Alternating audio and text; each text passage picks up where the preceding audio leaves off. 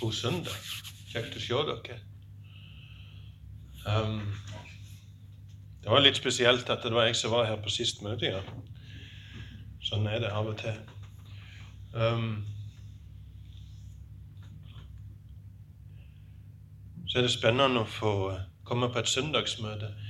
Uh, da er det ikke jeg som bestemmer teksten.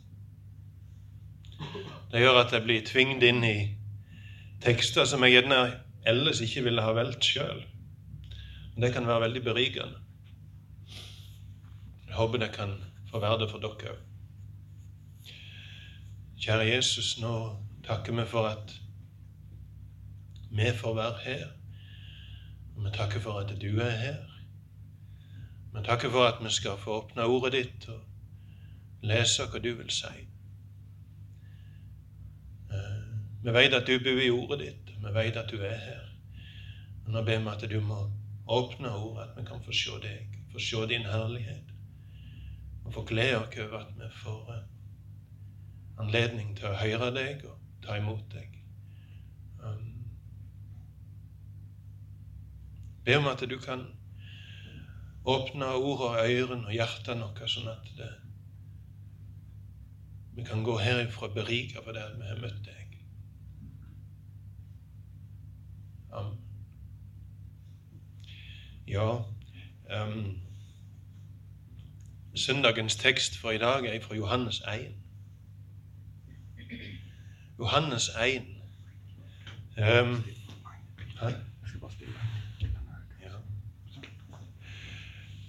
I Johannes evangeliet kapittel 1 så finner vi noe som blir kalt for prologen. Det er på en måte en slags innledning til en slags innledning til Johannesevangeliet som sier utrolig dype ting på en veldig enkel måte, tilsynelatende, men samtidig, når en begynner å grave i det, så ser en at det er utrolig djupt.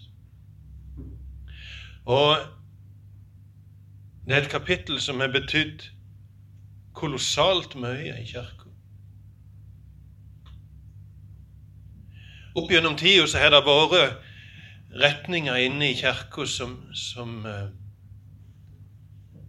som, hadde tanker om Jesus som måtte avvises. Noen, noen har, meint at Jesus tilsynelatende var menneske. At han ikke var det på skikkelig, men at han bare tilsynelatende var et menneske. En Gud som hadde kommet ned og så ut som et menneske. Det var Grekerne på, på Jesu tid var vant med sånne tanker. Det måtte avvises. For da står i Johannes 1, kapittel, vers 14, ordet ble kjød. Og hvis ordet ble kjød, da ligger det i kortene at det var ikke noe tilsynelatende. Andre har meint at Jesus er Gud Fader, som er kommet ned. Men det må avvises, for i Johannes 1 står det ordet var hos Gud når ordet var Gud. Han kan ikke være hos Gud og samtidig være det samme som Gud. Og Noen har meint at Jesus var en eller annen guddommelig skapning som Gud Fader hadde skapt, men som ikke var Gud på samme måte som, som Gud Fader. Det må avvises.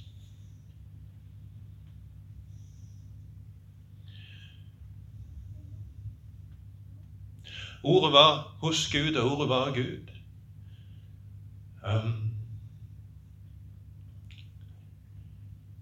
Ennå i dag så finner vi de tankene. Vi finner de først og fremst gjerne i Norge blant uh, Jehovas vitner, som avviser tanken om treenigheten. At Gud er én, og samtidig at Jesus er Gud på like linje med, med Gud Fader. Og så finner vi det for så vidt hos muslimer som avviser treenigheten. Avviser at Jesus er guddommelig. Men han leser Les Johannes 1, vers 1-18. Og jeg, jeg, jeg, jeg, tenkte på det hjemme når jeg satt i går kveld og leste på dette. tenker jeg, Av og til så kommer Jehovas vitner på døren.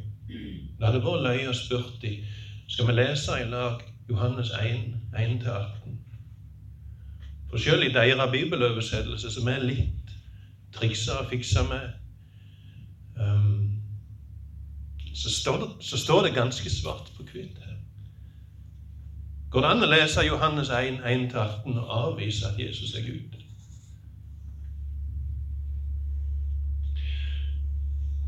Vi skal lese vers 15 til 18. Johannes, altså døyperen Johannes. Johannes vitner om han og roper ut. Det var om han jeg sa, han som kjem etter meg, er kommet før meg, for han var til før meg. Av hans overflod har vi alle fått nåde over nåde. For lova var gjeven ved Moses. Nåden og sanninga kom ved Jesus Kristus. Ingen har noen gang sett Gud, men den enbårne som er Gud, og som er i fanget til Far, han har synt oss hvem han er. Og Når vi leser dette første kapittelet, så ser vi at evangelisten Johannes flere ganger nevner døperen Johannes og hans vitnesbyrd. Du ser det i vers 6 og 7, du ser det her i vers 15, og så går han tilbake til til døybarn Johannes i vers 19. Vi vet at døybarn Johannes var eldre enn Jesus.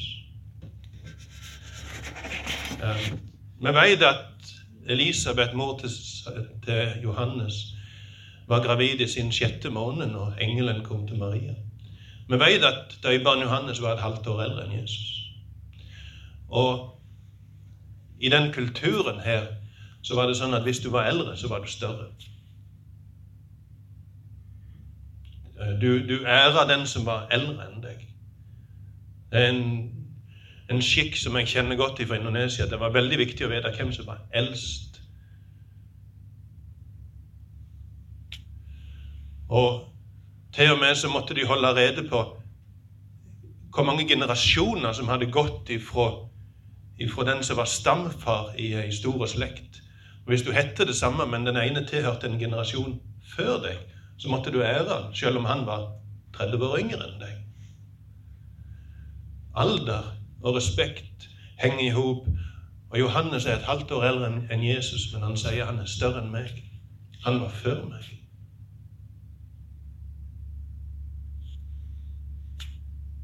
Alt er blitt skapt ved ham. Det er ikke bare det at han var før meg, men han står at han var først meg. Merkelig uttrykk. Han var først. Han var før alle ting som ble skapt. Han er ikke sjøl skapt, men alltid blitt skapt ved han. Og dermed er han før meg. Han har alltid vært.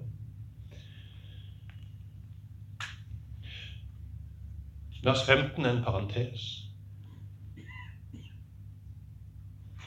Og Når vi kommer til vers 16 av Hans Overflod har vi alle fått. Nåde over nåde. For å forstå det verset så må vi lese vers 14.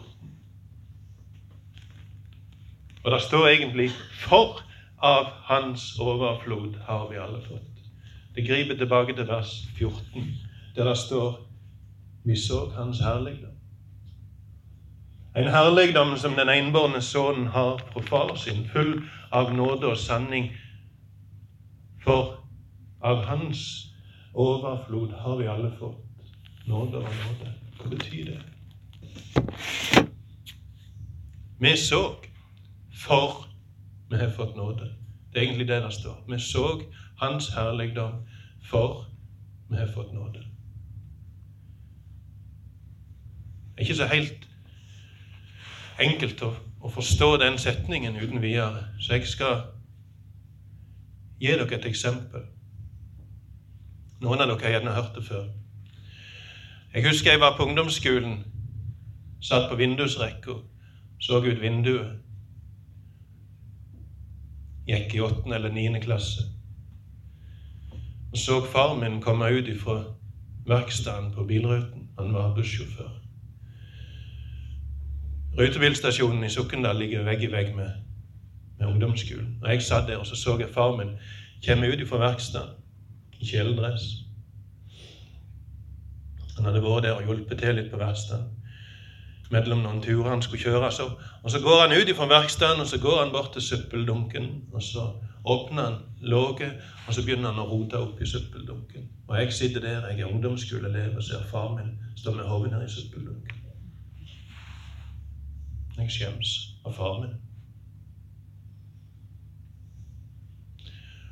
Jeg, jeg kunne ikke forstå hvorfor han gjorde det. Det er ikke tida til å lete etter flasker etter panta. Hvorfor gjør du det? Hvorfor, hvorfor ydmyker du deg sjøl og meg framfor øynene på mine klassekamerater? Far min, far til Magne, står med hodet ned i søppeldunken. Når vi kom hjem, så fortalte pappa hva det var han hadde gjort. Den dagen skulle han hjelpe til å skifte olje på en buss. Når han har skifta olje på denne bussen, så tar han noe papir og tørker seg på hendene kaster papiret, og så sanser han at ringen er vekk. Men så hva gjør du da, når ringen er vekke? Og du tenker Han ligger antagelig i søppeldunken der ute, rett, rett i glaninga for hele ungdomsskolen. Hva gjør du da? Jeg, jeg veit ikke om pappa reflekterte så mye over det, men han gikk iallfall rett ut. Åpna låget og mer eller mindre stupte ned i søppeldunken. Han ville ha tak i ham i den ringen. Og jeg satt der og skjems av han. Men når han forteller meg hvorfor han gjorde det, så blir han stor i mine øyne. Han var villig til å tåle en ydmykelse for å få tak i en ring som betydde mye for han, og som på en måte var det synlige tegnet på et løfte som mor mi hadde gitt til han, og han hadde gitt til mor. Av hensyn til henne vil han ydmyke seg sjøl. Det gjør ikke en mann liten, det gjør en mann stor. Eh, når vi, når vi tenker etter, så, så, så, så, skjønner vi at sånn er det. Vi lever i en verden som, som, som hyller den, den kule Men vi lever òg i en verden som eh, ikke klarer å la være å ha respekt for den som ydmyker seg av hensyn til en annen. Ikke sant? Du kan hylle eineren og vinneren, men du står målløs i beundring for den som har tatt et steg eller to eller tre ned av hensyn til noen andre. Han, han står du i målløs beundring for. Han eller henne.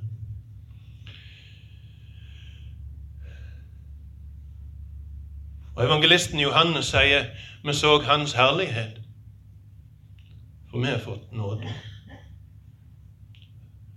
Hva mener han med det? Jo, han mener Jesu herlighet ser du ikke før du har sett at han ydmykte seg av omsorg for deg. Men hvis du har sett det Da blir alt det han gjorde, det blir på en måte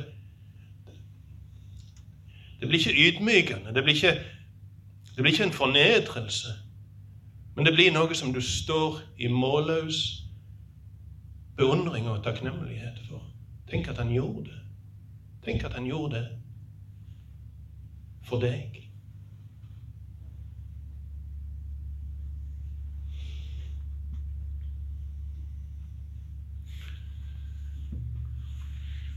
Eller jeg kan gi dere et annet eksempel. En forfatter som jeg har lest mye av, som heter C.S. Lewis. Han skrev om Narnia, blant annet. Han forteller at han en gang gikk inn i redskapsskjulet i hagen. Der var det ganske støvete. Um, og når han kom inn og lukket døra bak seg, så så han så så han Det var et hull i veggen, eller hva det var for noen ting. Iallfall så kom det ei lysstripe inn på skrått inn i dette støvete skuret. Og, og hvis, det, hvis det har gått inn i et sånt rom, så vet jeg at det er ingen plass som er så støvete som der som lyset skinner. Det? Det ser ut som akkurat den stripa der er veldig støvete, og alt det andre er reint. Har du sett det? Så Han står der og så ser han på denne lysstripa og alt det der støvet. Akkurat, akkurat der er det forferdelig mye støv. Og så, og så bøyer han seg ned, og så, og så i plassen for å se på denne lysstripa, så ser han langs henne. Og Han ser ut gjennom et hull i veggen, og han ser trærne. Og han ser et klart lys der ute. Og så har han reflektert over dette her, og så, og så sier han det er en forskjell på å se på lysstripa det å se langs henne. Du må på en måte bøye deg ned og se langs denne lysstripa, dette støvete greien, for da ser du et veldig klart lys. Og sånn er det. Du kan stå på utsida og se på ei kristen menighet eller ei forsamling, og du ser at Jammen meg, altså. Det er ikke rart med de folkene der.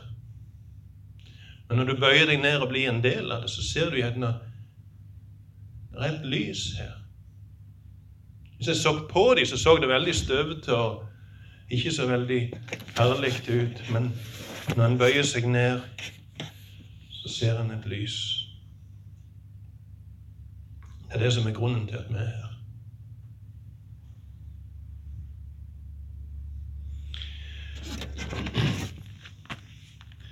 Av Hans overflod har vi alle fått.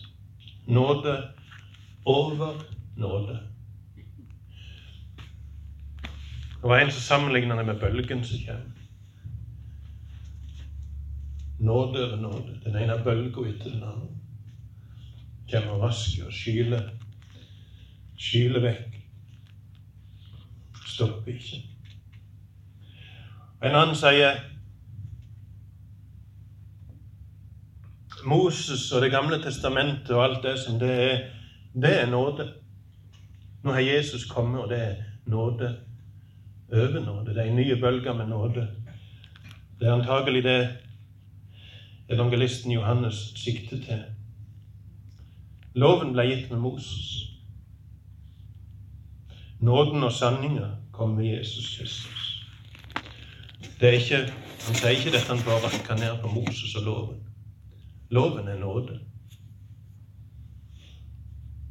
Nå har Jesus kommet, og det er ny nåde. Um, Moses ga oss loven som peker på Gud. Jesus kom og viser oss i seg sjøl hvordan Gud er. Og Når Johannes skriver om dette, så har han antagelig i tankene det som står i 2. Mosebok kapittel 33 og 34.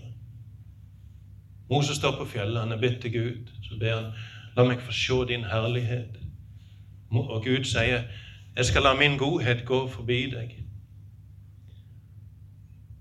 Still deg der i kløfta på fjellet. Jeg skal legge hånda mi over deg til det som jeg har gått forbi, og så skal jeg ta hånda vekk, og så skal du få se meg bakifra. Og så gjenger Gud forbi han mens han roper ut.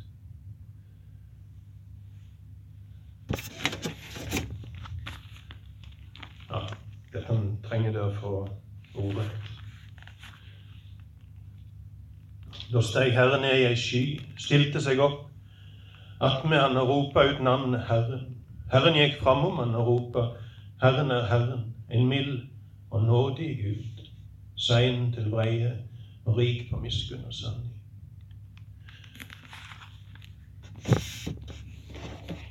Moses fikk se Gud bakenfra. Jesus er nåde og sanning.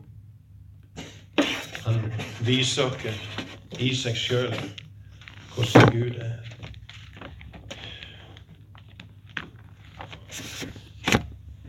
Mye som skulle vært sagt om dette. Jeg leser for en par uker siden Første Mosebok tre.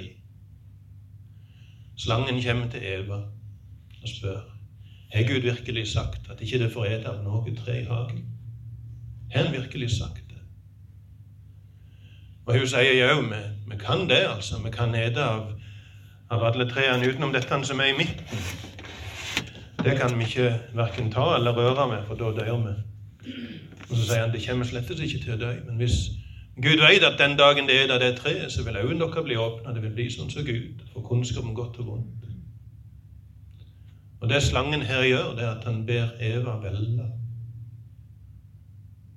Tror du at Gud har sagt det? Eller tror du at Gud er god? Han kan umulig være Du, du kan umulig velge begge deler, kan du vel? Siden han holder tilbake for deg denne frukta som gir kunnskap om godt og vondt, og som gjør at du blir sånn som Gud. Når han holder det tilbake ifra deg, så kan han umulig være god, kan han? Så var han god, eller har han sagt og meint det han sa? Og så velger Eva. Hun tenker at Gud er god, og dermed så kan jeg gå på tvers av det han har sagt. Og Jesus han kommer, så er han både nåde, godhet og sannhet. Og viser dere at det er ikke en motsetning mellom det Gud har sagt, og det at Gud er god. Det er veldig viktig å holde fast på det. Jeg tror vi lever i ei tid der denne her oppkonstruerte valget blir løfta fram for oss igjen og igjen. Har Gud sagt, eller er han god? Ja, begge deler. Han er god, og han har sagt. Jeg skal holde fast på det han har sagt, og jeg skal holde fast på at han er god. Selv om jeg ikke alltid forstår det.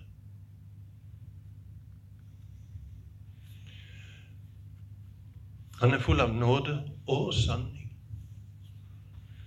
Begge deler på en gang. Og du ser det i måten han er på, i det han sier. Og når du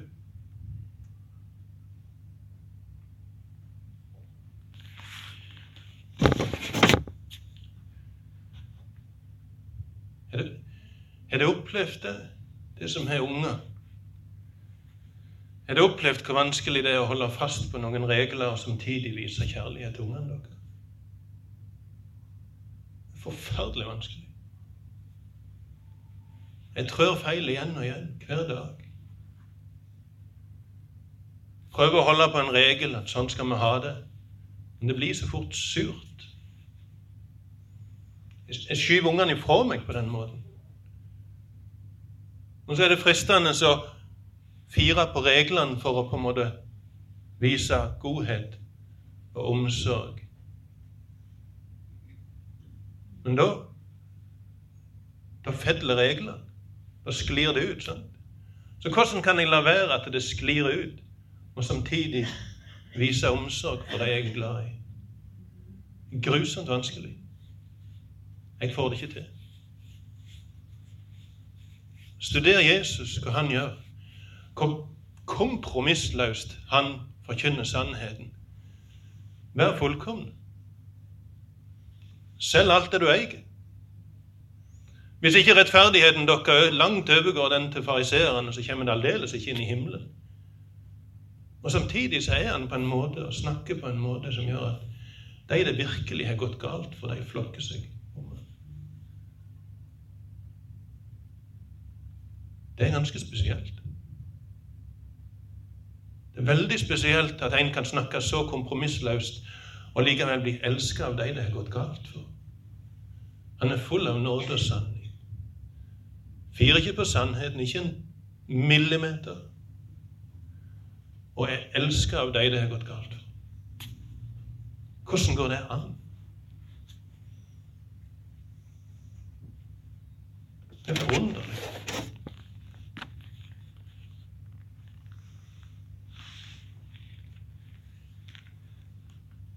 full av nåde og sanning.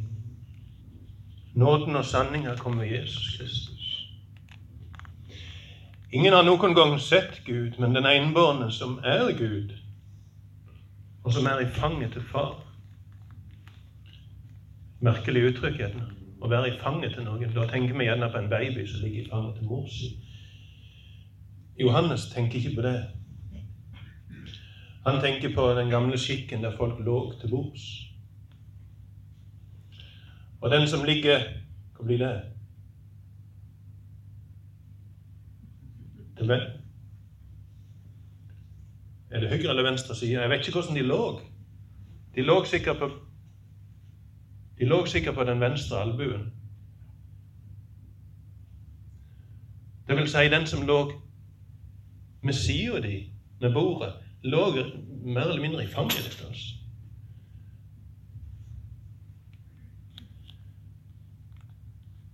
Så den enbårne, altså Jesus, er i fanget til far. Det, det, er på en måte en hedersplass, og det er snakk om fortrulighet, og det er snakk om, om nærhet. Og han blir kalt den enbårne, som er et merkelig uttrykk. Det betyr mer enn at han er den eneste. Det betyr at han, han er aldeles på lik linje. Aldeles på bølgelengde.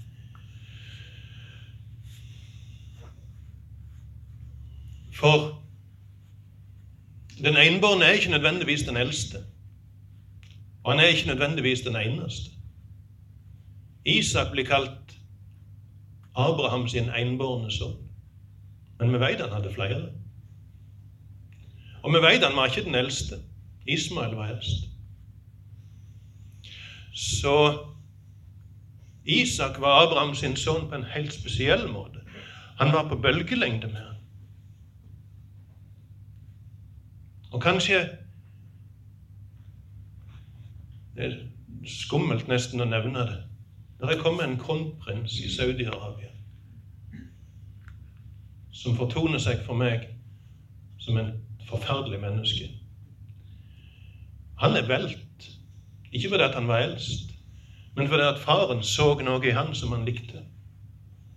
Så det vi ser hos en kronprins i Saudi-Arabia, forteller ganske mye om han som er utpekt han til å være kronprins. Det, det sier egentlig de to er på bølgelengde. Og den vondskap som du ser hos den kronprinsen, vil du antagelig kunne finne hos faren. For faren har utpekt han til å være sin etterfølger. Det er en kontrast til Jesus. Den godhet du ser hos Jesus, sier mye om Faren, som kaller Jesus for sin enbårne, sin unike, hans utvalgte, han som han er aldeles på bølgelengde med. Så for all del, ikke tenk at i Det gamle testamentet så møter vi en morske, sinte, straffende lovgud, og i Det nye testamentet så møter vi Jesus, og han er snill. Jesus i all sin godhet er et krystallklart bilde av hvordan Gud er. Jesus er hans enbårne, aldeles på bølgelengde. Et fullkomment bilde av Guds nåde og sannhet, hans godhet, hans vilje til å frelse. Han er i fanget til far. Han er synt og til han Du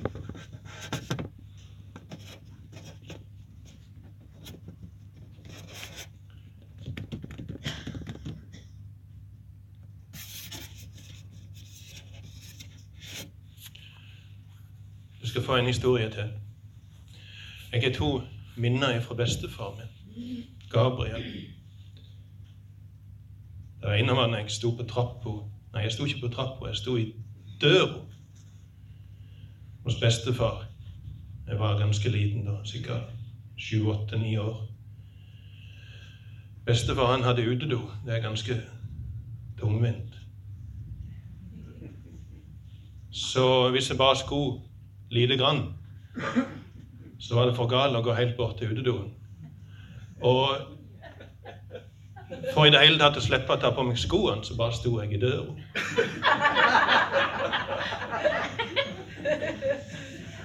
Og så når de fant ut dette her, så husker jeg, jeg husker synet av bestefar der han står og knytter neven på en litt spesiell måte.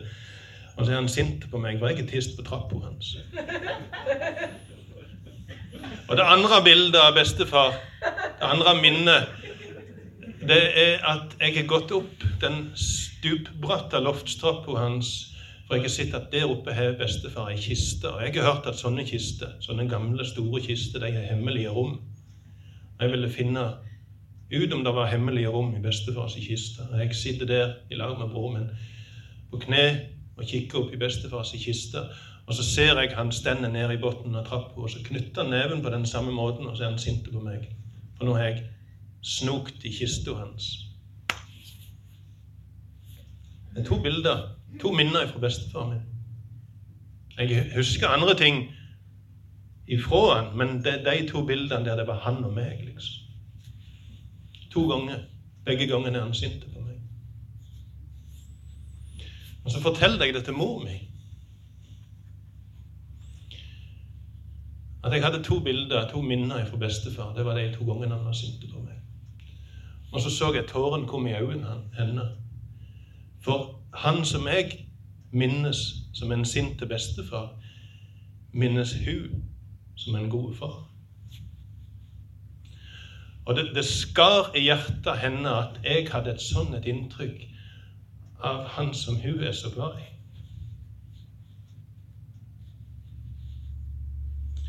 Og på samme måte skulle det skjære oss i hjertet hvis det er mennesker som er forvrengt bilde av han som er så glad i. Og Det skulle ligge oss på hjertet at vi skulle få et heilere og et sannere bilde av hverandre.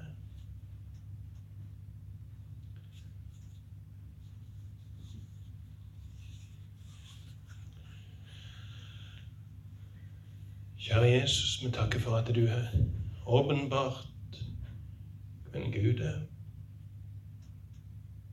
Og vi takker for at du er den du er. Langmodig og nådig, rik på miskunn og sanning. Og vi takker Jesus for at du kom til jord, og at du hang på et kors og bandt deg til sånne som oss. i trufasthet og i kjærlighet og i nåde. Og så er det ydmykende å tenke på at du har valgt oss til å være de du vil vise hvem du er gjennom til folk rundt dere. Vi er sikre på at når de ser oss, så ser de mye støv. Vi ber om at vi kan få kalle de nærmere, så de kan få se det som vi ser. Ikke bare støv, men vi ser lys. Vi ser hvem du er. Vi ser deg gjennom ordet ditt. Vi ser deg gjennom måten du er imot dere på. Jeg ber for de som vi har rundt dere, som har et forvrengt bilde av hvem du er. La det ligge som ei bør og en nød på hjertet vårt at de må få se deg. få se deg som den du er. I all din godhet, i all din nåde og sannhet. Amen.